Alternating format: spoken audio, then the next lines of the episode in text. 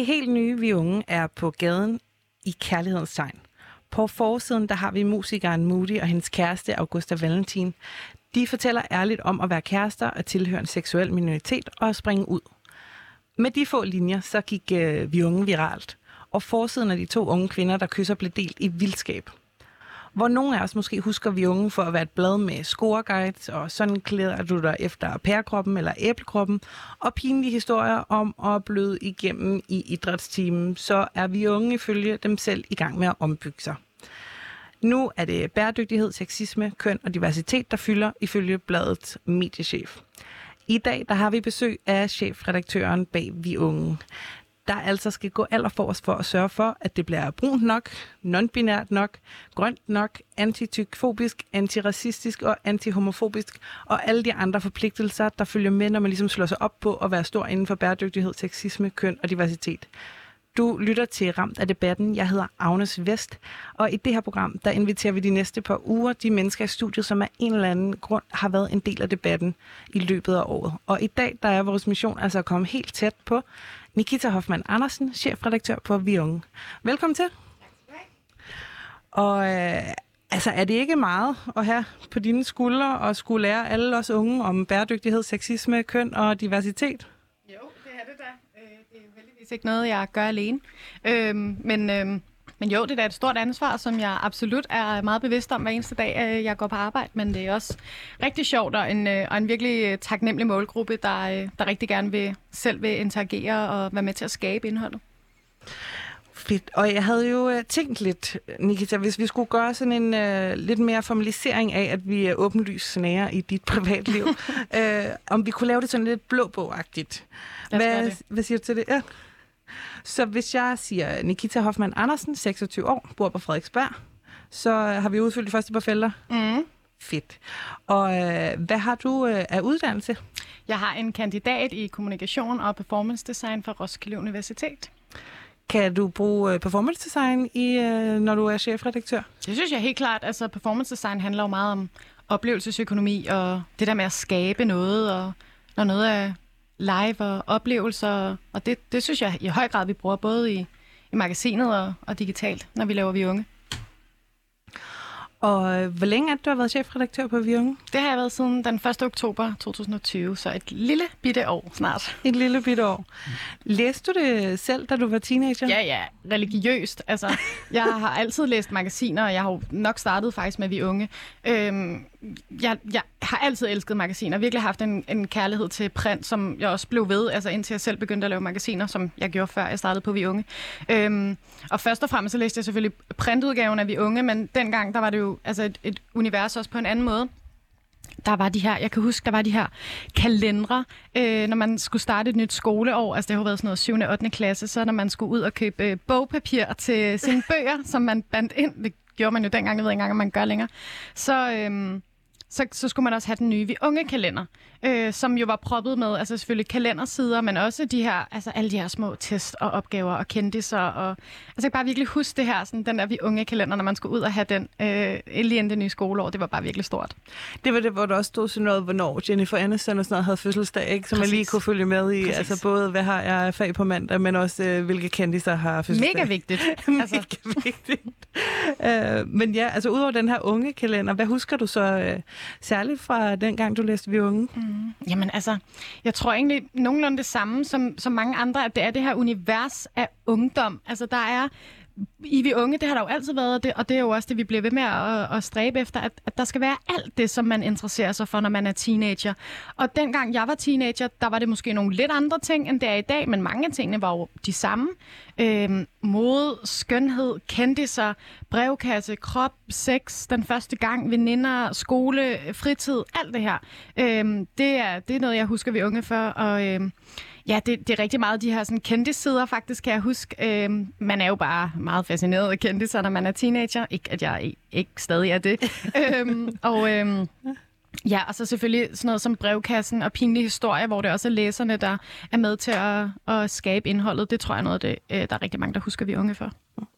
Hvordan tror du, at øh, sådan bladet det har påvirket dig i, gennem dine teenageår? Tror du, det har været med til sådan at forme dig i dine teenageår? Ja, det tror jeg, det har, men det, det tror jeg, det har på samme måde som alle mulige andre medier, som jeg er blevet øh, influeret af i mine teenageår. Så vi unge har helt sikkert været med. Det har alle mulige former for øh, film. Jeg var en virkelig stor Mary-Kate og Ashley-fan, så jeg så Oh. alle deres film. Og der er helt sikkert også, altså sådan nogle, sådan nogle ting har jo også været med til at påvirke, øh, hvordan jeg vokset op, og hvordan jeg ligesom så på verden, og musik og musikvideoer, og film og serier, på samme måde, som, som det nok har gjort for de fleste andre, som det jo også gør den dag i dag. Det er jo ikke kun Altså, det, der er jo ingen, der kun læser Vi Unge. det skal de heller ikke. Hvordan øh, reagerer sådan dine venner, når du siger, at øh, da du sagde, at du var blevet chefredaktør på Vi Unge, eller sådan, når du fortæller det til folk, du ikke har mødt før? Mm. Jamen, altså, sådan som jeg nok lidt selv glemmer, at det er jo ret... Eller, ej, jeg var godt klar over, hvor fedt det er. Jeg vågner stadig op og sådan, hold da kæft.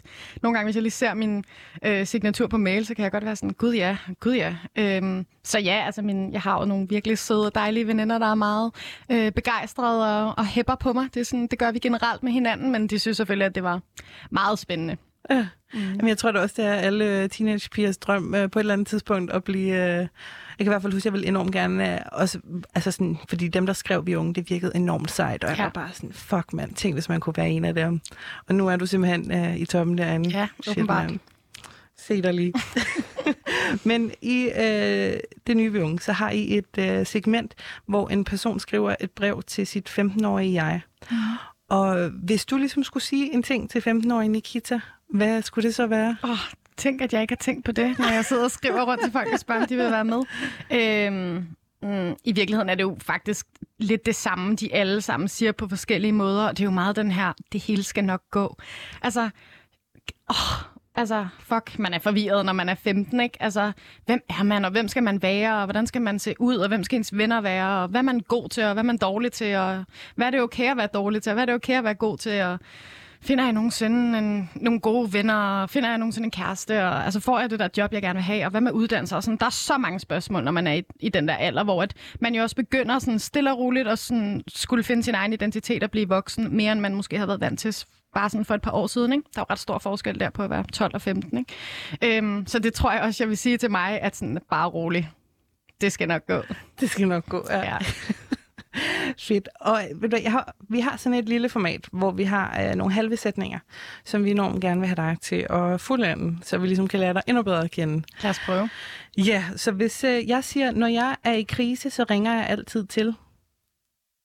Altså, hvis jeg sådan er i personlig livskrise, så ringer jeg til en af mine bedste veninder. Ja. Og hvis jeg, øh, er sådan, jeg øh, har virkelig brug for, øh, at du kommer og henter mig, så ringer jeg til min far. Nå. ja. Okay, så der er noget, som veninder kan klare, og så er der nogle gange, så skal far bare komme og hente en. Præcis. Og øh, det, jeg har gjort, som jeg er mest stolt af, er Vi unge. Helt klart. helt sikkert. Øh, jeg fortryder, at jeg aldrig har... Boede i udlandet? Hvor vil du gerne bo?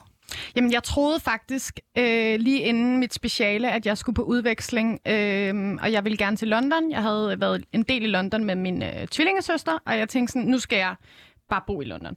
Og jeg begyndte at kigge på noget udveksling, og det var bare sådan lidt bøvlet, altså, og, åh, og kunne man det, og sådan, så skulle man selv arrangere det og alt muligt, og det synes jeg var lidt uoverskueligt. Og så sender min søster mig faktisk et link til, at hun har set, at L, altså modemagasinet L, søgte øh, praktikanter, universitetspraktikanter. Og det var bare sådan lidt, altså som om den faldt ned fra himlen. Og sådan, det, er jo, altså, det var vidderligt mig, følte jeg, jeg læste om i det der opslag. Og så endte jeg med at søge det, og fik det, og blev så senere ansat på L, og så senere vi unge. Øhm, så det var lidt derfor, tror jeg egentlig, at det ikke skete, fordi så, så skete der alt muligt andet. Og, men, men ja, jeg kunne, jeg kunne godt have boet lidt i London, men jeg kan jo nå det endnu. Så hvis du havde øh, været på udveksling, så havde du øh, altså ikke været chefredaktør for Vion. Det tror jeg ikke, nej. Sindssygt. Ja. Så tak til altså, Roskilde Universitet for at gøre det mega besværligt at komme på udveksling. Tak til byråkratiet. Ja, præcis. Øh, og hvis jeg siger, om 10 år er jeg... Mm. Jamen, jeg tror, altså, jobmæssigt kan jeg ikke helt se, hvad jeg skal ønske mig lige nu. Altså, jeg kan ikke se, altså, jeg er så glad for mit job. Jeg synes, det er det fedeste arbejde i hele verden. Altså, så jeg, altså lige der, der kan jeg simpelthen ikke lige... Der kan jeg ikke se, hvad... Altså, jeg, det er ikke, fordi jeg, jeg tror ikke nødvendigvis, jeg laver præcis det samme om 10 år, men, men altså... Så det, det er nok mere bare sådan privat. Altså, til den tid er jeg 36, så der håber jeg da, at jeg har nogle børn.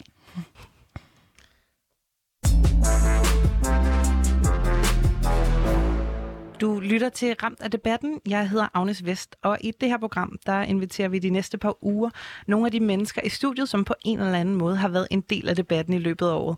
Og i dag så er vores mission altså at komme helt tæt på Nikita Hoffmann Andersen, chefredaktør på Vi Unge. Og I er jo som sagt i gang med at relancere Vi Unge, og det vil jeg selvfølgelig rigtig gerne høre meget mere om. Mm. Hvad er det gamle Vi Unge, og hvad er det, I gerne vil væk fra? Mm. Altså, Vi Unge har heddet Vi Unge siden 1963. Så det er jo et gammelt magasin i sig selv. Og selvfølgelig har det ændret udtryk mange gange siden 1963. Vi har sådan et smart arkiv, hvor vi kan gå ind og se alle forsiderne, alle siderne øh, siden 1963. Og, og altså, det, er jo, det er jo en tidslomme, det er jo simpelthen så sjovt, fordi Vi Unge er jo et, et billede på samtiden. Altså, det er jo et billede på de unge, der er lige nu og her. Øhm, og, og det vi unge, der, øh, der var indtil øh, februar i år, hvor vi relancerede, det var også et billede på ungdommen, men det havde bare set sådan ud i noget tid nu. Og, øh, og der er bare sket meget. Altså, der er jo sket sindssygt meget bare inden for de sidste par år. Altså, det tror jeg alle, der har noget med medier, eller bare verden at gøre, kan skrive under på. Så det var bare blevet tid til, at, at vi unge skulle støves lidt af og gøres lidt mere cool og Vogue og 2021. Øhm, det var blevet sådan, så det talte lidt for meget til en lidt for ung målgruppe. Øhm, det var meget sådan, Hvor ung? Mm, altså, vores målgruppe er jo teenager, så det er jo sådan rimelig bredt, 13 til de der 18-19 år. Men det gamle vi unge talte helt klart øh, til, til de alleryngste af dem, og måske også endda de der sådan tweens, øh, sådan noget 10-12-årige. Mm. Øh, og det, det handlede jo meget om layoutet og den måde, man, man sådan præsenterede forsiden på, og der var rigtig mange sådan, stjerner og hjerter og sangtekster og alt sådan noget, som helt klart talte til en meget specifik målgruppe, og det gjorde det rigtig godt. Altså, det var ikke, fordi der var noget vejen med det gamle ved unge.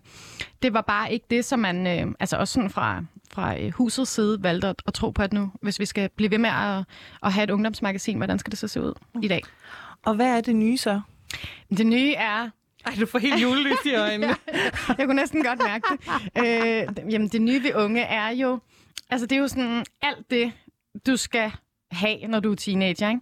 Det er... Øh, det er spørgsmål og svar, og det er et frirum, og det er sådan et, et trygt miljø, hvor du bare kan komme og blive underholdt og informeret og guidet og klogere. Og, altså, du kan stille alle de spørgsmål, du overhovedet vil. Vi svarer seriøst på alt. Altså i DM eller på mail, eller hvor end du har lyst til at fange os. Og så guider vi dig til mm, Altså livet imens, altså alt muligt fra, øh, fra samfundsdebatten, som jo er noget det, vi inviterer mere og mere ind, og generelt nogle af de her emner, som du kom ind på i starten, som vi jo har lovet, at vi vil øh, holde i vi unge. Men, men selvfølgelig er det også, øh, hvad for en blush er den bedste øh, på markedet lige nu, og, og hvad for nogle sneakers øh, skal du gå efter til efteråret, og alt det der, som, som man jo interesserer sig for, når man er teenager. Jeg tror ikke, der er nogen, hverken teenager eller øh, voksne eller børn for den sags skyld, der kun interesserer sig for én gren af noget. Altså, det, man er jo et sammensat menneske, der interesserer sig for alle mulige ting altså det lyder jo lidt som sådan en uh, teenage-rådgivning. Du siger, I svarer på alle spørgsmål, alle steder, nærmest alle tider af døgnet. Jamen, det kan man egentlig også godt kalde det. Altså, vi, vi får rigtig mange spørgsmål. Det er jo en, en målgruppe, der har mange, der har mange spørgsmål. Øhm, og, og de fleste af dem, dem svarer vi selv på en gang imellem, så kommer der noget. Der er selvfølgelig også nogen, der sidder derude, der har det lidt klemt. Øhm, og så sørger vi selvfølgelig for at sende dem videre til nogen, der, der er mere sådan, ja, der bedre kan svare på de spørgsmål. Og ellers så har vi jo også vores brevkasse øh, i magasinet, som, øh, hvor vi har et panel fra Børns Vilkår og Netdoktor og Sexlinjen, som kan svare på nogle af de spørgsmål, som vi som journalister jo ikke er uddannet til at svare på. Nej, fordi jeg kan da også huske fra øh, mine egne teenageår, der var også en øh, brevkast dengang, og man fik jo i hvert fald øh, nogle svar på rigtig mange ting, som man måske ikke øh, turde spørge forældre. Men øh, du siger, at det også er det nye. Kan du prøve at uddybe lidt mere, hvordan er det nyt, at I svarer på spørgsmål? Eller am, am, det er det sådan set ikke. Altså, det har vi altid gjort i vi unge. Det gjorde man også i det gamle. Det er fuldstændig, som det altid har været. Vi, vi, vi udvælger måske sådan lidt mere, hvad det er for nogle spørgsmål, vi tager med i brevkassen. Øhm, eller generelt sådan, hvad, hvad er det, vi præsenterer i det nye vi unge? Det, altså, det har man jo helt sikkert også gjort i det gamle. Det er, jo, det er der jo ingen tvivl om. Øhm, og det er også sådan noget... Øh, i forhold til de her pinlige historier, som vi har, som jo også er, er læserne, der skriver ind. Vi, vi tænker os bare grundigt om, hvad er det for nogle ting, vi sender ud og kalder pinligt til, til alle de her teenagepiger. Mm, er det pinligt, at du fik menstruation i idræt? Mm. Måske. Altså, det er jo heller ikke, fordi vi vil sådan, altså, nu skal du bare have det for fedt, og du skal bare øh, bløde igennem i din hvide jeans. Det er der ingen, der synes er fedt, vel? Mm. Men, men så formulerer det vi måske på en måde, hvor det er sådan, ej, det var nederen, men til gengæld så var der en god undskyldning til at spise en is. Eller du ved ikke. Altså, du ved, vi, vi formulerer det bare lige på en måde, hvor at, at vi tænker os om, at du skal ikke sidde og, og blive i tvivl om, om du er god nok, eller fordi det, du har gjort noget, der er fuldstændig naturligt. Mm. Men altså, derfor er det jo stadig sjovt, når folk gør noget pinligt. og hvorfor er det, du tænker, der var øh, behov for den her relancering? Mm.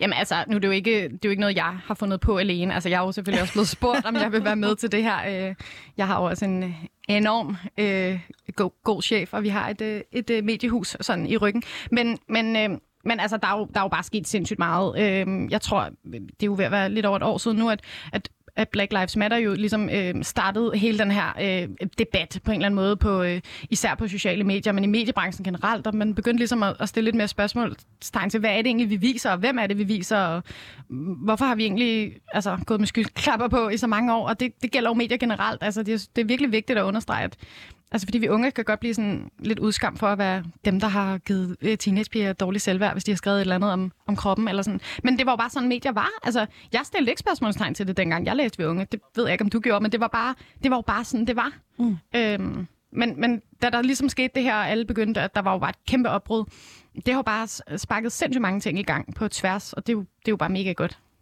Du har øh, sagt øh, til DR i en artikel inde på DR.dk, vi har skruet op for blandt andet den øh, samfundsaktivistiske stemme. Hvordan det? Jamen altså, når, man, når der bliver talt om noget i uh, samfundsdebatten, så ved teenagerne det er jo også godt. Altså, de er jo på Instagram og på TikTok og whatever, altså 24-7. Så det går jo ikke deres næse forbi, hvis der bliver talt om et eller andet. Så taler vi også om det, vi unge. Altså, så taler vi måske bare om det i, uh, i teenage-øjenhøjde. Øhm, det første relancerede magasin, vi havde på gaden, der talte vi om grænser. Øhm, det var lige da, da MeToo igen øh, mm. fyldte rigtig meget i medierne. Så der talte vi selvfølgelig også om om det øh, bare i forhold til teenager. Hvad er det, der sker på gymnasierne? Hvad er det, der sker i, i, de, i de sidste klasser af folkeskolen? Øh, puttemiddag, og du ved, alt det der, mm. som jo i virkeligheden lidt er det samme. Det er bare i, øh, altså for, for 16-årige. Mm. Øh, og nu, altså i det nye blad, som er på gaden nu, der taler vi selvfølgelig Pride, fordi det er det, der, det, der sker lige nu i, øh, i København og i Danmark. Men kan man lave øh, aktivisme og journalistik samtidig? Ja, det, det kan man godt. Altså, vi giver, jo også, vi giver jo rigtig meget stemme videre. Altså, det er jo aldrig os, der bare sidder og, og, og kommer med vores mening. Det er jo lige så meget.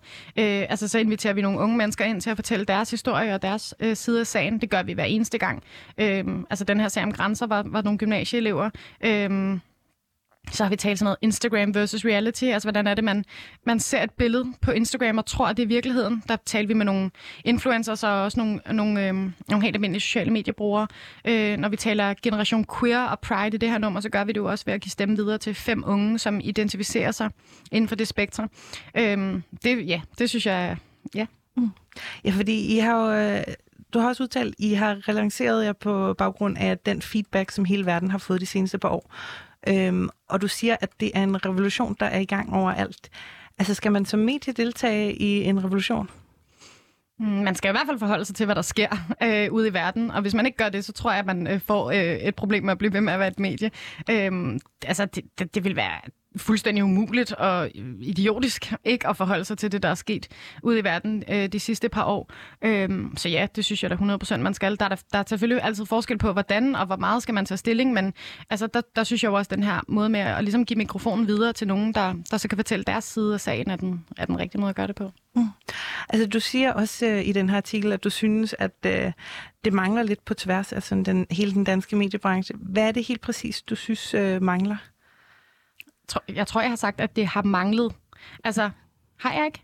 Øh, fordi, øh, jamen det, det er tilbage til det her med, at, at det er jo ikke særskilt for vi unge, eller for nogle andre medier for den sags skyld, at man har øh, manglet repræsentation eller diversitet, eller et billede på noget lidt mere virkeligt. Det er jo det er jo et billede på mediebranchen generelt, og, og altså samfundet generelt, at vi har jo i rigtig mange år glorificeret det skønne og det smukke, og øh, det der Instagram-liv, ikke? Øh, og, og nu er det jo stille og roligt ved at krakelere. Altså nu får du jo øh, tusind gange flere likes, hvis du tør poste et eller andet. Uh, hun er virkelig på Instagram, ikke? Øhm, og, og jeg tror, det er det, jeg mener med, at, at det har manglet på tværs af alle medier. Men vi ser det jo også på tværs af alle medier nu, at, at, at at det har folk ligesom også fået øjnene op for. Mm.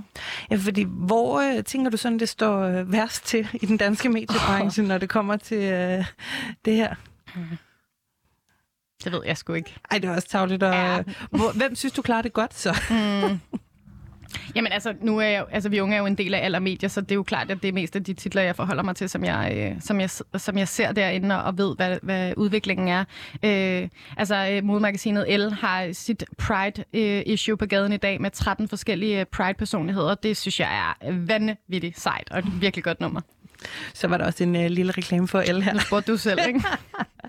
ja. I foråret, forordet undskyld, til den udgave, der er kommet på gaden, øh, der står blandt øh, på forsiden står der Generation Queer. Og øh, der skriver du i forordet, at I de seneste par måneder har sat fokus på diversitet og repræsentation. Hvorfor tænker du, at det er vigtigt, at I gør det? Mm, jeg tror, altså, det er vigtigt at for mange... Altså, det, det her er jo et billede på også den feedback, vi får fra vores læsere og fra, fra hele verden, som sagt. Men det, det er bare super vigtigt, især når man er teenager, at man ser noget, man kan spejle sig i. Altså, når du, hvis du åbner et blad og, og tænker på hver eneste side, mm, der er jo ikke nogen, der ligner mig, eller mm, jeg kan ikke genkende det her, men hvor skal du så gå hen? Øh, og, det, og det er virkelig noget, det vi har arbejdet meget på i Unge. Altså, alle teenager skal kunne se sig selv i Unge. Det er ikke sikkert, at man kan på hver side. Altså, det, det er der jo ikke nogen, der kan. Øh, eller på hver forside. Men på en eller anden side, skal du som minimum føle, okay, her der bliver der virkelig talt til mig. Og det er uanset om det er i forhold til etnicitet, eller religion, eller samfundsklasse, eller altså whatever. Alle de her former for diversitet og repræsentation skal bare med ind i, i alle medier jo. Mm. Ja. Og det kan man jo så også øh, se på øh, jeres sider, hvor I jo har haft om øh, LGBTQIA plus personer i den her udgave, og øh, også i en tidligere. Og I har haft øh, tre piger med fysiske handicaps på forsiden af det forrige vi unge. Men er der også sådan øh, repræsentation i øh, redaktionslokalet, eller er det kun udad til? Er det kun, når man åbner siderne, at man kan se sig selv, eller hvordan? Mm. Altså, vi unge er en meget lille redaktion. Vi er faktisk kun tre fastansatte, som udelukkende laver vi unge der er vi forskellige i forhold til, øh, altså, hvor, hvor vi er vokset op, og, øh, og hvad det er for nogle familiebaggrunde, og, og også etnicitet, øh, vi kommer fra. Ja, men, men altså, vi er også tre unge kvinder i 20'erne, så altså... Så hvis jeg gik med dig til et øh, redaktionsmøde nu her om lidt, så vil jeg altså ikke møde en flok øh, unge, smukke, able-bodied, tynde, hetero, hvide kvinder? Nej. Okay. Hvilken er... Altså, er der nogle af de her, jeg vil møde på jer alle sammen? Hvad for nogle af dem? Nu ser jeg unge. Ja. Smukke. Ja, det synes jeg da. Able-bodied. Oh, altså, det er jo svært. Altså, den her, man kan jo ikke der er jo også nogle regler i Danmark i forhold til ansættelser. Altså, vi, vi, vi er en redaktion, som, som, har, som har været sat, også før alt det her er sket. Det er nogle sindssygt dygtige journalister, der arbejder på Vi Unge, og vi kommer ikke til at ansætte folk øh, på baggrund af øh, etnicitet eller whatever. Altså, det, det, det kommer slet ikke til at ske, og det tror jeg jo ikke engang er lovligt i Danmark, at det er et øh, ansættelsesvilkår. Vi ansætter de bedste journalister, og, øh, og hvis man har lyst til at søge, altså, så er man jo vidderligt altid velkommen. Altså, den der indbakke står bare altid åben. Så hvis man, hvis man føler, at man kan bidrage med noget andet i Vi Unge, og af en eller anden grund måske repræsenterer noget, vi ikke gør i forvejen, så vil jeg da elske, at man skriver til mig. Er du bange for, at I kommer til at få sådan nogle lidt blinde vinkler, hvis I måske ligner hinanden lidt, når I så skriver vi unge og siger sådan, okay, nu skal vi fagne bredt, og vi skal have repræsentation og diversitet i bladet? Altså, det er jo noget, vi snakker helt vildt meget om, men vi er virkelig forskellige. Altså, så jeg tror, der vi ser forskellige ting. Øhm, Udover det, så er det jo ikke sådan, at det kun er os tre fastansatte, der sidder og laver vi unge. Vi bruger rigtig mange freelancer. Og så, øh, så er der jo også øh, altså, hele den her, den måde, som, som vores øh, mediehus er bygget op på, at vi sidder i en stor redaktion med nogle andre titler, som der også bliver produceret, som også er med indover. Øh, så er der selvfølgelig art directors og korrekturlæsere, whatever. Der er jo rigtig mange mennesker indover et blad. Øh, jeg vil ikke sige, at jeg er bange for det, fordi vi er så sindssygt bevidste om det. Det er noget, vi snakker om hver eneste dag, men, men men altså, det er jo ikke umuligt. Ja, selvfølgelig kommer vi til at lave en fejl igen. Altså, det gør vi det. Men kan I godt sådan slå jer op på repræsentation og diversitet, hvis det mest er udad til i bladet? Ja, det synes jeg sagtens, vi kan. Altså, det, der er vigtigt for læserne, det er jo det, de læser. Altså, hvem der står i byline, er det. Altså, og, og, og hvad kan du i virkeligheden sige om, om personen ud fra det, der står i byline? Altså, du kan ikke du kan jo ikke vide, hvordan, mit, altså, hvordan jeg vokser op, hvordan jeg i øvrigt ser ud, eller så videre, fordi at, at, at vi måske minder om hinanden i, at vi alle tre er, er, er unge journalister i 20'erne. Øh, vi, vi er virkelig forskellige, også i øh, altså, øh, den altså, religiøs og altså, baggrund, vores forældre er kommet, øh, kommet med, så, så, så ja, det synes jeg sagtens, vi kan. I har jo fået rigtig meget ros for jeres, øh, først jeres forside med to kvinder, der kysser, som øh, tre piger, der har nogle forskellige fysiske handicaps, og nu en ung queer-person, der holder et regnbueflag.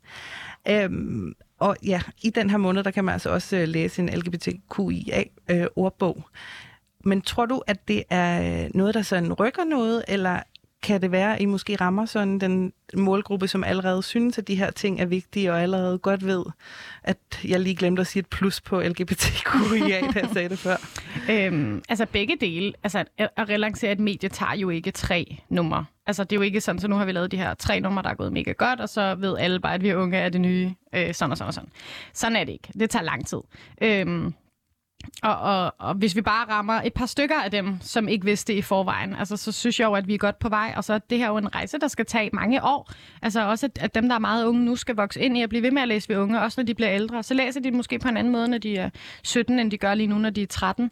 Øhm, og det er klart, at altså, dem, der sådan er virkelig øh, på omkring alt det her i forvejen, det er måske dem, det taler allermest til lige nu. Men, øh, men altså, hvis du læser øh, forsiderubrikkerne, så er der jo også alt muligt andet. Altså, det er jo slet ikke, fordi det der kun er et øh, aktivistisk queer-nummer. Du kan også øh, ja, du kan læse op. jeg, jeg kan jo lige læse op. Der for, står for eksempel også guide til den perfekte selvforkælelsesdag. Præcis. Og så er der 13 tips til dit nye skoleår. Så der er også nogle øh, andre ting end en øh, LGBTQIA plus ordbog. Masser. Men øh, nu nævnte du tidligere lidt øh, med en revolution om, at øh, det skal være mere progressivt måske. Men sådan, altså, hvornår er revolutionen færdig? Mm, det tror jeg aldrig, den bliver. Ikke i min tid i hvert fald. Altså, det er ikke sådan, så at vi unge skal være en revolution hver eneste gang, det kommer på gaden. Altså, vi, vi, nu, har vi, altså, nu har vi prøvet de her tre numre af. Jeg kan godt love, at det næste nummer, der kommer på gaden, det bliver noget helt andet. Altså, der bliver det faktisk lidt mere sådan øh, glossy. Og øh, så, sådan, ikke det gamle, vi unge, fordi altså, det er jo også sådan, jeg tror, vi skal passe på med at skælne så meget, fordi det er jo det samme blad, altså det er jo det samme, øh, den samme målgruppe, og altså, vi ændrer os bare med, med samtiden. Øh, og så en gang imellem, så, så er der noget revolutionerende, hvis man kan sige det sådan. Øh, og en gang imellem, så er der ikke. Og så, altså du ved, det, det kommer sådan øh, løbende i bladet, og når der er noget, der giver mening, så kommer vi selvfølgelig til at tage det op, og det er der jo altid, og derfor kommer vi jo heller aldrig til at, nogensinde til at blive færdige. Og hvad er ligesom sådan det allervigtigste for dig at opnå med vi unge? Altså udover selvfølgelig at sælge en ordentlig røvfuld magasiner. Mm. Øhm, jamen det tror jeg ikke engang er det vigtigste for mig. Det, det, er, noget, det er det vigtigste for nogle andre øh, inde i huset. For mig der er det vigtigste bare at, at lave et, et godt magasin, som der er nogle unge mennesker, der får noget ud af at læse, og som de altså bliver klogere af, men måske også lidt mere får lidt ro i maven. Og ja, de bliver underholdt og informeret og, og har det godt, når de har læst et vi unge.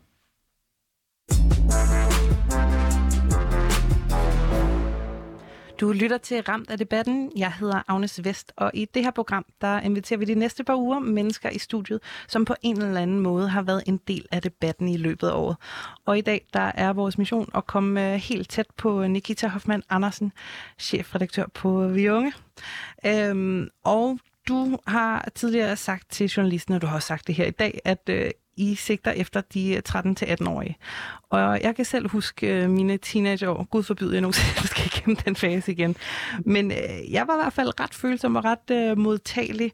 Hvad tænker du om, at øh, det måske kan være sådan nogle øh, ret følsomme og modtagelige øh, modtagere af jeres blad, der sidder mm. nu? Men det ved vi jo, at det er. Altså, det er jo en enorm modtagelig. Tak for at føle mig helt normal ved, at jeg var sindssygt usikker. ja, præcis. Altså, det, det tror jeg ikke, der er nogen, der ikke har følt sig som, som teenager. Så det er klart, at vi er enormt bevidste om, at er for en målgruppe, at øh, vi øh, kommunikerer til, og, og hvad det er, vi viser og siger og skriver og gør. Øh, vi tager os enormt god tid til at svare på hver eneste spørgsmål, som vi får, og, øh, og vi tager hvert et spørgsmål seriøst. Altså det tror jeg også er noget af det vigtigste, at, at lige meget hvad de spørger om, så, så, så skal de have en fornemmelse af, at, at de bliver taget seriøst, og at, at vi giver os tid til at svare på dem, og vi sætter os øh, ind i deres sted. Hvor meget tænker I ligesom over øh, den magt, I på en måde har over unge? altså, det er ikke sådan, at jeg sidder og tænker, uh, en magt. jeg tror mere, jeg ser det som et ansvar, mm. end en magt. Ja, Hvordan det? Jamen, at, at vi, vi gør os sindssygt meget umage, og øh, vi vender øh, hvert et ord. Altså, det kan virkelig være sådan noget med, øh, hov, nu har vi da fået skrevet det som om, at... Øh, Altså når vi redigerer, og når vi sidder og skriver, og du ved, vi er jo selvfølgelig også flere, der læser ind over, at gud, lyder det her lidt for normativt, eller øh, øh, gud, du har skrevet hun der, det behøver det jo ikke at være. Eller sådan, at, nå, men okay, hvis vi snakker menstruation, mm, så er det jo ikke kun kvinder. Og du ved, altså vi prøver virkelig at, øh, at gøre os øh, sindssygt meget umage for, hvad det er for nogle øh, ord og øh, sprogbrug og altså små hints, der ligger i sproget, sådan så alle øh, føler sig øh, set, når de læser Vi Unge. Det er jo et, det er jo et ansvar. Det, det, ja, det ser jeg meget mere som et ansvar end som en magt. Mm. Ja, fordi når I udvælger ting øh, i jeres blad, så er det jo også øh, på en måde med til at forme unge og fortælle dem måske, hvad der er inde og hvad der er smart, øh, hvilket tøj skal man have i den her måned. Øh, at man skal vide, øh, I har et segment også om øh, ikke at bruge kønsstereotype ord øh, som tøsedreng og 12-talspiger. Men altså, hvor meget fylder det sådan... Øh, øh, hvor meget fylder sådan nogle tanker om, sådan, er I med til at vælge, hvad der er vigtigt for unge, øh, når I skal vælge, hvad der skal i bladet? Mm. Øhm, altså, det, det er vi jo. Det er medier jo generelt. Øh, det er også noget, de, de efterspørger rigtig meget. Jeg tror, hver eneste dag får vi sådan beskeder på Insta, hvor de spørger, kan I ikke uh, lave en uh, sommerkjoleguide, eller kan I ikke, uh, hvad, skal, hvad for nogle jeans, eller hvad for nogle sneakers, eller... Det er jo bare sådan noget, der er rigtig mange uh, unge teenager, der interesserer sig for. Det gjorde jeg i hvert fald også, da jeg var teenager, så det forstår jeg virkelig godt. Uh, og der vil man jo bare gerne have noget guidance, som de jo egentlig vil til det meste uh, på det tidspunkt. Men, men det er også sådan, det er virkelig meget dem, der er med til at beslutte, altså nu er det øh, lige præcis mig, der laver rigtig mange af de der sider med, øh, med modting. Og altså, øh, hver gang jeg går på gaden, så øh, er mine øjne i hvert fald ud, når jeg ser teenager, for jeg skal lige se, hvad for nogle sko har de på, hvad for nogle, øh, hvad for nogle smykker har de på, hvad for nogle sneakers har de på. Alt. Altså, jeg virkelig sådan, prøver virkelig at, at suge til mig, hvis jeg møder nogle teenager. Jeg kender desværre ikke så mange teenagers selv. Så... Øh, og så, så spørger jeg dem jo om alt. Hvad, hvad fedt? Hvor shopper du? Hvad lytter du til? Altså sådan, så det hele tiden er et billede af, hvad de synes. Ja, du kaldte det også, øh, inden vi gik på, kaldte du det et ongoing feltstudie. Jamen, det er det virkelig. Altså, det er det der med, nu bor jeg jo i København, og der, der ser de fleste jo sådan nogenlunde ud på samme måde. Øhm, men altså sådan at gå ned ad Nørrebrogade, det er jo, altså, det er jo nærmest arbejde, fordi man bare går og er sådan, gud, se, nej, ej, hun har det der på, eller han har det der på, eller ej, altså ja, det er sindssygt spændende, synes jeg. Men øh, kommer det så til at være meget præget af, at det er nogle meget nørrebroagtige øh, unge? Jamen, det er jo så netop det. Så går jeg jo der, og så tænker jeg, husk, at du er på Nørrebro lige nu, Nikita. Fordi at det er ikke kun... Øh, og det er, jo, det, er jo bare, altså, det er jo bare svagheden ved, at vi... At, eller at jeg primært befinder mig i København. Øh, Er du nogensinde på feltstudier i Jylland? jeg har ikke været det endnu, men det vil jeg faktisk virkelig gerne. Altså sådan helt seriøst, det vil jeg rigtig gerne. Øh, fordi selvfølgelig er det, er det vigtigt, at, øh, at det rammer alle. Jeg tror så også, altså, når du ser øh, alle mulige serier, øh, jeg ser mange øh, Jonas Risvis serier, han optager dem også i, i, hele, øh, i hele Danmark, øh, som er jo teenager, fra, altså helt almindelige teenager fra hele verden, de ser, eller fra hele Danmark, de ser jo ud på samme måde alle sammen. I har jo også øh, i det her blad et segment om pinlige historier. Hmm. Det kan jeg huske, det var klart blandt mine øh, favoritter, øh, da jeg selv læste. Og det ikke bare var research. Fuck, jeg vil ønske, at det altid var research. Sådan. Hold kæft, det var fedt bare lige at læse vi unge. Øhm, men altså, hvor læser jo ligesom sender historier ind. Og i den her udgave, der kan man så øh, læse, at der er en, som ved en fejl lagde en story op, hvor hun fortalte om sin menstruation, og en, som er ved at skifte tøj, da en voksen mand kommer ind i øh, omklædningsrummet. Og det synes de her to, det synes de er mega sindssygt pinligt. Altså, hvad tænker du om det her med, at I så er med til at fortælle uh, unge piger, hvad der er pinligt? Mm. Jeg tænker både og. Altså, at, at hvis der er en, en teenagepige, der synes, det er pinligt, så har hun jo oplevet det som pinligt. Øhm, og, og, Jeg synes også, det var pinligt, at min mor kom og hentede mig til fester, for eksempel. Ja, det er ja. ikke, uh... Det, det, nej, men, men det er jo okay. Altså, vi skal jo heller ikke gøre teenagepiger til, til voksne, der bare har styr på alt, og, øh, eller teenage-drenge for den sags skyld, altså teenager. Til, altså, der er jo de der år, hvor at noget måske er lidt mere pinligt, end det ville være, hvis man var voksen. Vi, vi tænker meget over, at det skal ikke være sådan noget med, at... Øh, ej, jeg havde glemt at barbere mig under armene, og det så ham fra B. Ej, hvor pinligt. Nej, det kommer vi ikke til at skrive. Men, men hvis du har siddet og lavet en story, hvor du har talt om din menstruation og har lagt den ud til alle dine Instagram-følgere, det er jo pinligt. Det vil jeg da også synes. altså, det er det jo. Og det er jo sjovt. Det er jo som om, at altså, vi vokser jo aldrig nogensinde fra at grine af hinanden, eller grine af, at nogen har gjort noget pinligt. Altså, da vi, da vi begyndte at tale om at relancere vi unge, der var læserne virkelig sådan, please, ikke rør pinlige historier. altså, jeg tror, de vil, de, vil, altså, de vil virkelig blive deprimeret, hvis den røg. Det gør den aldrig. Altså, det er noget af det mest populære. Folk elsker det. Så alt andet falder, og til sidst kan det være, at det er bare to sider, hvor det bare er pinlige historier, bliver sendt ud hver måned. ja. Måske kunne vi lave et helt altså, pinlige historier issue. Best of. Faktisk en god idé. det lyder sindssygt fedt. Jeg vil gerne købe det i hvert fald. Øh, men nu har jeg i hvert fald købt den her måneds mm. øh. Og jeg fik lige røbet før, at øh, jeg fik... Altså, jeg har virkelig læst det. Hold kæft, jeg har læst Vi Unge. Ja. Øhm, og hvis man så læser det her blad, altså så da jeg læste, så blev man både opfordret til at tage i teateret, til at rydde op på værelset, til at lave øh, mange forskellige retter, blandt andet kikærtepandekager, øh, til at øh, lave sine egne is, til at følge 20 queer-profiler på Insta. Øh, jeg skulle også lave min egen solhat, jeg skulle lytte til en playlist, jeg skulle droppe kønsstereotype ord og vendinger, og så skulle jeg eksperimentere med min tøjstil, forbedre mit indeklima, og læse en masse bøger og lytte til en masse podcast. Altså, det er rigtig mange ting. Fast. Man ved det ikke fedt. Jeg har lyst til at gøre alt det, du lige nævnte. Jo, men er du ikke, altså hvad tænker du, det sender for et signal, at man ligesom føler, man skal nå alle de her ting? Jeg tror ikke, at der er nogen, der åbner det og tænker, nu skal jeg gøre alt, hvad der står her. Men der er jo noget for alle. Så er der måske nogen, der tænker, glem det, jeg kommer aldrig til at gå ud i køkkenet og lave er det pandekager. Til gengæld vil jeg rigtig gerne følge 20 queers på Instagram. Så er der en anden, der tænker, den der solhat, det er lige noget for mig, men jeg kommer ikke til at gå i teateret sådan vil det jo være. Øh, og, så, og så ligger et vi unge jo også på gaden ret lang tid, så du har faktisk rimelig lang tid til at nå noget af det. Nej, det er altså mere, end jeg laver på et år nærmest. ikke hvis du er teenager. Så kan du nå tre af de der ting på en dag. og du er ikke bange for, at I sådan kommer til at putte pres på øh, unge, som måske forvejen er presset? Nej, jeg synes, vi er gode til at skrive ind, at du ved, altså, gør det i dit eget tempo, og hvis det her er noget for dig, og så videre, og så videre. Jeg tror ikke, der er nogen, der ser det som et, nu skal du nå alt, hvad der står i det her blad. Sæt i gang. Altså overhovedet ikke.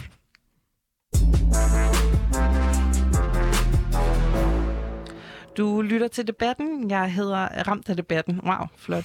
Øh, jeg hedder Agnes Vest, og i det her program, der inviterer vi de næste par uger øh, mennesker ind, som har været en del af debatten i løbet af året.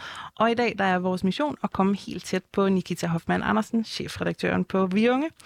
Og øh, I står jo op på bæredygtighed, og det er jo noget, øh, der går hånd i hånd med noget, der måske ikke så godt går hånd i hånd med forbrug. Så jeg vil selvfølgelig gerne høre lidt om øh, nogle af de valg, I tager i den forbindelse, fordi i bladet er der rigtig mange forskellige ting, man kan købe og lave, og købe her og købe der. Øhm, jeg kunne godt, altså nu har jeg har læst det igennem, øh, jeg kunne finde en enkelt side, som hed Planet A, som handler om bæredygtighed. Er der en grund til, at det ikke fylder mere, eller hvordan? Hmm, jeg tror, det fylder på mange af de andre sider, uden at vi nødvendigvis øh, skriver det eller sætter et stempel på. Øhm, det fylder jo også bare i den måde, som vi omtaler tingene på. Vi vil aldrig skrive, nu er det den første, du skal på shopping, nu går du bare ned i øh, High Street-butikken og tømmer den, og så kan du gøre det samme igen måneden efter. Så vil vi skrive, hvis du mangler øh, et par jeans, eller whatever, ikke? Så øh, kan søgningen foregå sådan her. Eller du ved, altså vi, vi har respekt for, at det er en, en tilføjelse til din garderobe, og noget, du kan bruge længe, og har du jo prøvet genbrugsbutikkerne først, og altså jeg tror meget, at det handler også om den måde, man, man formulerer det på. Man kan sagtens interessere sig for bæredygtighed og for mode på samme tid. Det handler jo rigtig meget om tilgangen, og altså hvis du bruger den der t-shirt til 100 kroner de næste fem år, så er det jo fint. Altså, det handler jo rigtig meget om, om forbrug og tilgang og, og måden, vi shopper på. Mm. Men altså, der er jo rigtig meget forskellige ting, man kan købe i det her blad. Altså sådan virkelig, virkelig mange ting. Og nu siger du, at der er nogle af tingene, der skal holde længere tid, men der er også, altså, jeg synes, jeg fandt sådan et eller andet, der hed en hair fragrance. Jeg ved ikke, om det er sådan en hårparfume, eller hvad det er, men så det er måske, jeg bruger den en gang, og så, altså det er jo virkelig mange ting. Men mindre du bruger den op? Det er selvfølgelig, men det, altså kan man godt lave et blad, der har så mange forskellige ting, man kan købe, og så samtidig sige, at vi går øh, op i bæredygtighed? Ja, det synes jeg godt, man kan. Altså det er jo, det er jo komplekst, altså det, og det er teenager jo generelt. Altså på den ene side, så liker de bæredygtighed og Greta Thunberg i et væk, og på den anden side, så shopper de allermest på de allerbilligste asiatiske og, og østlige sites. Det ved vi bare, altså det er et fakt. Øh, det er et... Øh, det er et split i dem, altså hvilken vej skal de gå. Øh, og, og som sagt, så efterspørger de jo stadig rigtig meget øh, guidance til shopping og til skønhed, og det vil vi gerne give dem. Så tænker vi os om, hvad er det for nogle produkter, vi viser? Øh, hvordan er de produceret? Øh, vi har sådan en lille stempel, der også kommer på en gang imellem, hvis det er, øh, hvis det er, øhm, så har vi sådan vi, og så er der sådan en lille grønt blad, hvis, øh, hvis det er produceret på, på en bestemt måde. Øhm, men altså, det er da klart noget, vi taler om, og vi, vi gør os virkelig mange tanker om det. Du kan også se, altså på forsiden, der, der står hun i en hvid t-shirt, ikke? Altså, det sender jo ikke særlig mange signaler om, nu skal du se ud på en bestemt måde, du skal gøre alt det her. Men, men altså, vi er også godt klar over, at, at teenager går op i shopping og mode. Men altså, det er jo, ja, nu siger du det der med, at man kan like Greta Thunberg, men det er jo rimelig gratis at øh, like ting. Men altså, gør I sådan et eller andet for... Kan du prøve at sige noget mere konkret om, sådan, hvad gør I for ligesom at opfordre jeres læsere til at være mere bæredygtige? Mm. Jamen altså, vi har jo den her side, der hedder Planet A, hvor der, vi kommer med nogle konkrete tips. Øhm, og så er det jo noget, vi sådan hele tiden omtaler øh, på de sociale medier. Nu så jeg lige i dag, at det er den der World Over shoot, eller hvad det hedder, day, hvor vi ligesom har brugt alle øh, jordens ressourcer fra 2021 i dag. Ikke? Det er jo også sådan noget, vi vil omtale. Altså, vi sætter fokus på det, vi taler om det, øh, men, men altså, så, så er det sådan noget så, vil vi, altså, så handler det også om de der små ting i hverdagen, som, som, for, som for teenager jo også, altså der hvor de kan starte, altså mens de stadig bor derhjemme, ikke, så køber de en, en, øh, en to-go-kop, eller du ved, altså så køber de deres en keep-kop, en, øh, en kop, de ligesom kan blive ved med at have med, og, øh, og et net i stedet for at købe plastikposer. Og, altså det, det handler jo meget om de der små ting, øh, og få de der gode vaner ind, øh, fra man er ung. Ja, nu uh, tænker jeg også på, fordi faktisk med den her uge eller måneds uh, Vi Unge, så uh, fulgte der sådan en, jeg har desværre ikke taget den med, men sådan en lille hårlestik med en sløjfe på, uh, hvor der stod uh, Made in China på. Altså, er den uh, sindssygt super bæredygtig? Øh, det kan jeg ikke forestille mig, at den er. det er klart, der sidder nogle mennesker og forholder sig til, hvad det er for nogle produkter, der kommer med der. Det vil jeg helt ærligt indrømme. Det er ikke min afdeling. Øhm, vi, vi, vi tænker os om, hvad det er for nogle produkter, vi kommer i især. Altså nogle gange har vi jo også make-up og sådan nogle ting. Der kommer aldrig til at komme skrald i. Øhm, og, og igen, altså hvis, hvis der er en, en, en teenager, der køber det der blad og bruger den der hårlestik de næste fem år, hvis den kan holde fem år. Ja, lad os prøve. jeg, jeg, jeg laver et forsøg, når jeg kommer hjem. Ja, tak. Det, men den er super fin. Det er. Øhm, men ja, der er rigtig mange råd, øh, fordi vi skal snakke lidt mere om sådan, øh, hele det her med forbrug og ting, øh, der er i. Fordi her er rigtig mange råd og produkter og tips, som koster ret meget. Altså blandt andet så er der en øh, kjole til 850 kroner og en øjenskygge til 400 kroner. Altså kommer I ikke til at lægge noget pres i forhold til unge og forbrug, og at de skal bruge en masse penge på Altså lige præcis det der med priser er også noget, vi taler rigtig meget om. Og, og det, det kan godt være, at du lige har fundet nogle af de dyreste ting, øh, der er i bladet der, fordi det er virkelig noget, vi taler meget om. Og har, altså, kan slet ikke gå ud fra, at, at unge mennesker har det samme øh, økonomiske rådrum. Øh, vi laver selvfølgelig nogle undersøgelser øh, hver år, øh, der hedder All About Teens, øh, som vi øh, laver i hos Aller Media, hvor vi sådan virkelig undersøger, okay, hvad, hvad gør de her teenager? Hvad, hvad bruger de her penge? Og, og, øh, og, de, og de bruger jo penge, altså det, det ved vi jo. De har faktisk også enormt stor øh, indflydelse på, hvad det er for nogle øh, varer, der bliver købt i husholdningen, altså fordi at øh, deres forældre vil rigtig gerne gøre dem glade. øh, men, øh, men det er klart, det er ikke alle, der har 850 kroner til en kjole, og, øh, og derfor er jeg også øh, stensikker på, at der er, der er mange flere billigere alternativer. Vi har en side, der hedder Fund under 400, som vi altid har. Det kan jo være, øh, være sådan helt billigere ting, hvis du, øh, hvis du gerne vil finde en eller anden lille tilføjelse til din garderobe, men du måske ikke har så mange penge fra dit fritidsjob. Øh, så det er helt klart noget, vi er bevidste om. Men samtidig samtidig er der jo også noget i det der, altså det er jo også et spekter i forhold til bæredygtighed, ikke? Hvis vil du købe noget, der er ordentligt produceret, så koster det bare ikke 79,95. Hvis du vil have en kjole, der skal holde øh, i tre år endnu, så kan det godt være, at det kan betale sig at give lidt ekstra for den. Mm. Og hvordan øh, sådan, udvælger I de produkter, der er i bladet? Det her alt, altså lige siden jeg selv var teenager, har jeg tænkt over, hvordan det ja. bliver valgt. Jamen altså, øh, der er jo rigtig mange brands, som sender øh, så sender de ligesom alle, altså nu er det bare sådan helt lavpraktisk, mm. så sender de jo bare deres nyeste kollektioner og billeder af dem, og så skriver de lidt om den, og så når øh, der skal laves en side, for eksempel har vi en, en side i det her blad, der øh, handler om printede t-shirts, så, øh, så, går vi, så går vi simpelthen bare markedet igennem, og så travler vi de bedste, øh, de bedste bud øh, i forskellige prisklasser, og, øh, og dem, som vi tror mest på, at vores målgruppe vil øh, interessere sig for. Nogle gange så spørger vi dem jo også på Instagram, sådan, hvad, hvad går du i lige nu, eller hvad ønsker du der? Og så, så bruger vi deres egen øh, svar til at, at finde frem til det. Mm. Men altså, så nogle af de her ting får I sendt fra firmaer? Altså billeder. Okay, ja. Fordi jeg tænker lidt sådan, for eksempel på Instagram, der er influencer, de er jo pålagt ligesom at skulle skrive, hvis noget er en gave, eller hvis det er en reklame, som øh, de er blevet betalt for at lægge ud. Det er vi selvfølgelig også. Men så der er ikke noget, fordi jeg synes ikke, jeg så nogen steder, at der stod, at det her produkt var sponsoreret. Nej. Så det, det, altså, hvis det ikke står der, så er det ikke. Øh, der er jo reklamer i Vi Unge, øh, men det er meget tydeligt markeret, øh, især på grund af vores unge målgruppe. Så nej, altså, når der er sådan nogle der sider med tøj, så er det fuldstændig redaktionelt udvalgt. Og øh, nu har vi også snakket lidt om øh, repræsentation tidligere. Og øh, det repræsentation er vel også lidt på baggrund af sådan en indkomst. Hvad tænker du om, sådan at der er nogen, der måske, altså hvis nu siger du, de er mellem 13 og 18 år, altså så er man måske på et fritidsjob med 65 kroner i timen, og så er det altså lommepenge fra forældrene, hvis ens forældre har råd til det. Altså, du siger, at I tænker meget over det, men er det ikke stadig sådan lidt ekskluderende mange af de ting, man ligesom skal købe i det her blad, og fornøjelser, som man skal betale for, og ting, man måske ikke kan være med til? Jeg synes, der er virkelig mange bud, øh, i, når du åbner de unge, som ikke har noget med din indkomst at gøre overhovedet. Altså alle de der ting, du nævnte til at starte med, man kunne gøre, det, det, mange af dem i hvert fald, tror jeg, koster ikke nogen penge. Øh, det, det er klart, altså der vil jo være forskel på folk. Det vil der jo også være, når de åbner deres Instagram-profil og følger alle de der influencers, der poster øh, alt muligt, som helt sikkert er meget dyrere, end det du finder i Vi Unge. Det tror jeg bare er svært altså, at undgå. Vi vil jo altid komme til på en eller anden måde at, at vise noget, og så er der nogen, der kan genkende sig i det, og så er der måske nogle af dem, der har et større økonomisk rådrum, som ikke kan genkende noget andet, der står i bladet. Altså på den måde vil det jo være et vilkår. I har også, øh, det synes jeg også, man havde dengang, øh, en side med horoskoper. Yes. Og øh, så er der så en stor side, jeg skal lige prøve at se, om jeg kan finde den frem her. Men hvor der Næsten ligesom, værst. hvor er det fedt, det der. Øh, men hvor at der er fokus på månedens horoskop øh, som jo så er løven. Øh, jeg ved ikke, hvorfor der er sindssygt meget hype om Leo season. Det synes jeg, I skriver lidt om, at det er her, hvor man bare tør tage chancer og være vild og fræk og gøre alle mulige ting.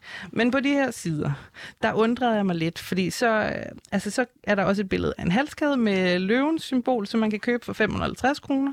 Og øh, der er også nogle øh, krystalsten, som øh, åbenbart hører til løven, øh, som koster 118 kroner.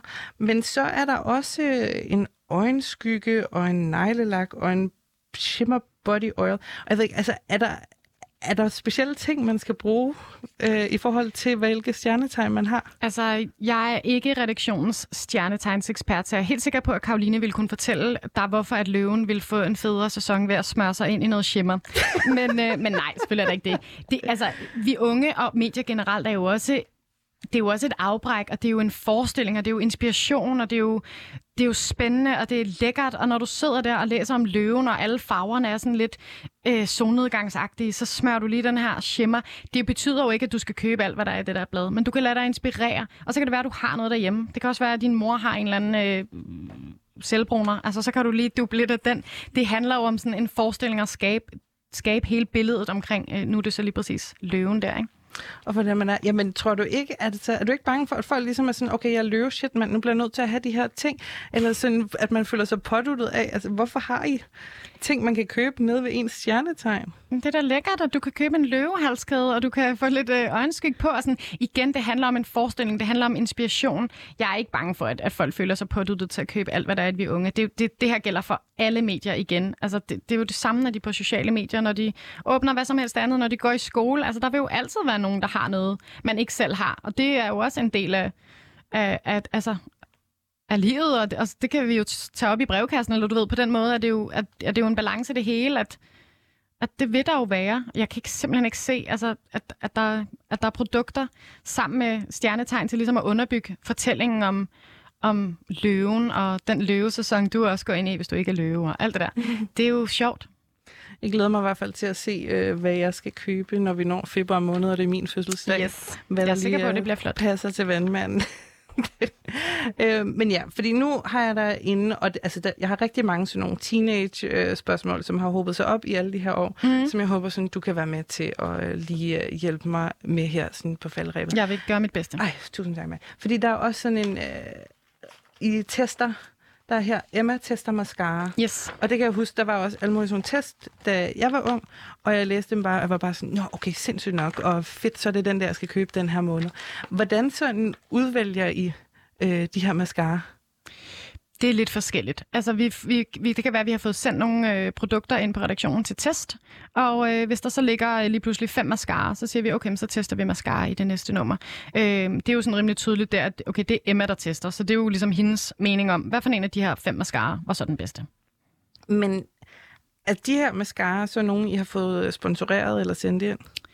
Det kan være begge dele det er jo ikke, det er jo ikke sponsoreret. Altså, når, hvis du skal teste et beautyprodukt, så er du nødt til at prøve det. Sådan vil det altid være.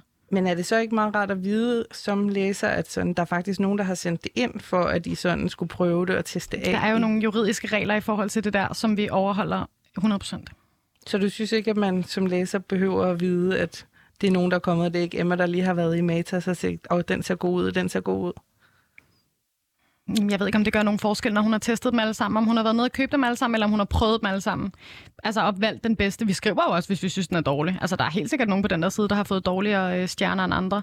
Øhm, så, så det er jo ikke fordi, at det er købt på nogen som helst måde.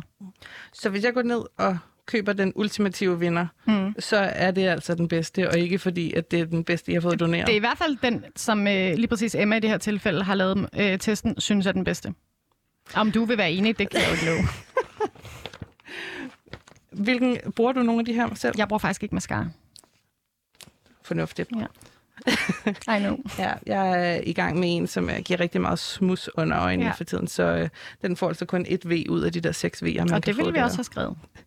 Men øh, hvad, altså kommer vi til måske at se mere bæredygtighed i øh, vi unge fremover? Fordi lige nu, så du siger, at I har den der Planet A-side, men den er altså kun én side.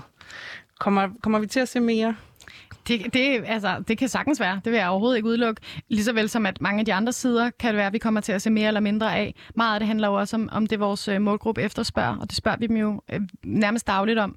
Øhm, og, og når vi også mærker, at det er noget, de øh, interesserer sig for, så er det selvfølgelig også noget, vi laver mere indhold om.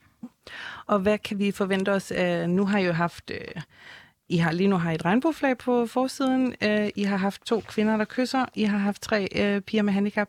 Hvad øh, bliver sådan den næste aldrig set før øh, på forsiden, vi kan forvente? Mm, det ved jeg ikke, fordi den næste forside, der kommer på gaden, er ikke aldrig set før. Øh, det behøver det heller ikke at være hver gang. Øh, det tror jeg ikke, at hverken vi eller vores målgruppe vil være interesseret i. Øh, så, altså, så den næste sådan aldrig set før, det ved jeg faktisk ikke endnu.